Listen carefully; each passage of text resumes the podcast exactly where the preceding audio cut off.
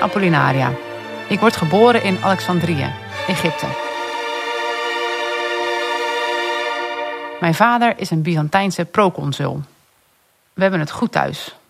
En mijn ouders willen mij graag laten trouwen met iemand die het ook zo goed voor elkaar heeft. Maar ik wil dat dus niet. Ik heb andere plannen.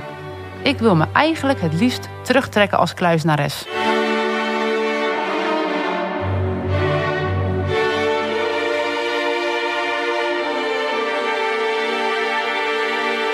Het duurt even, maar ik krijg uiteindelijk toestemming om een bedevaartstocht te maken. Wel met een heel gevolg van kamelen, slaven en slavinnen natuurlijk. Onderweg deel ik mijn spullen uit en laat mijn slaven en slavinnen één voor één vrij. Dat begint erop te lijken.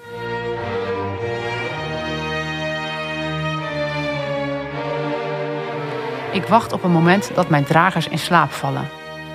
Ik trek gauw mijn mooie kleding uit, doe een eenvoudig klofje aan en sluip het moeras in.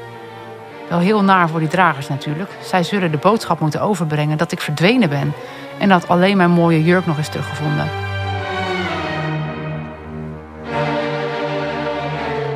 Ik woon een tijd in het moeras en ik krijg van God de boodschap dat ik mij Dorotheus moet gaan noemen.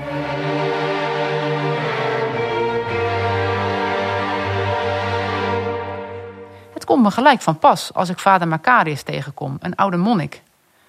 Hij denkt dat ik een uinoog ben en ik kan me aansluiten bij zijn klooster van Skerte in Egypte.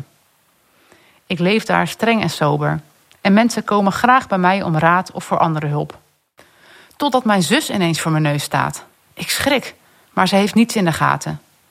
Het gaat niet goed met haar en ze vraagt of ik haar kan helpen met haar problemen. Ze knapt enorm op en vertrekt na verloop van tijd weer naar huis. Eind goed al goed, denk ik.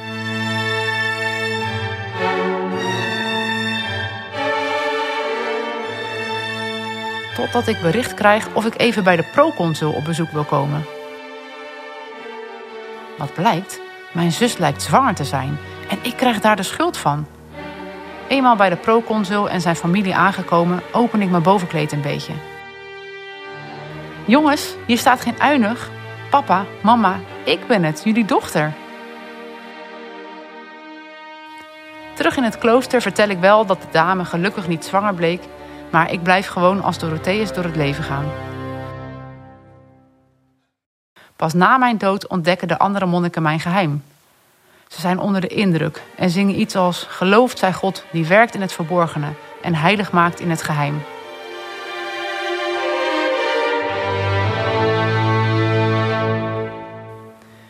Ik stond zelf model voor je.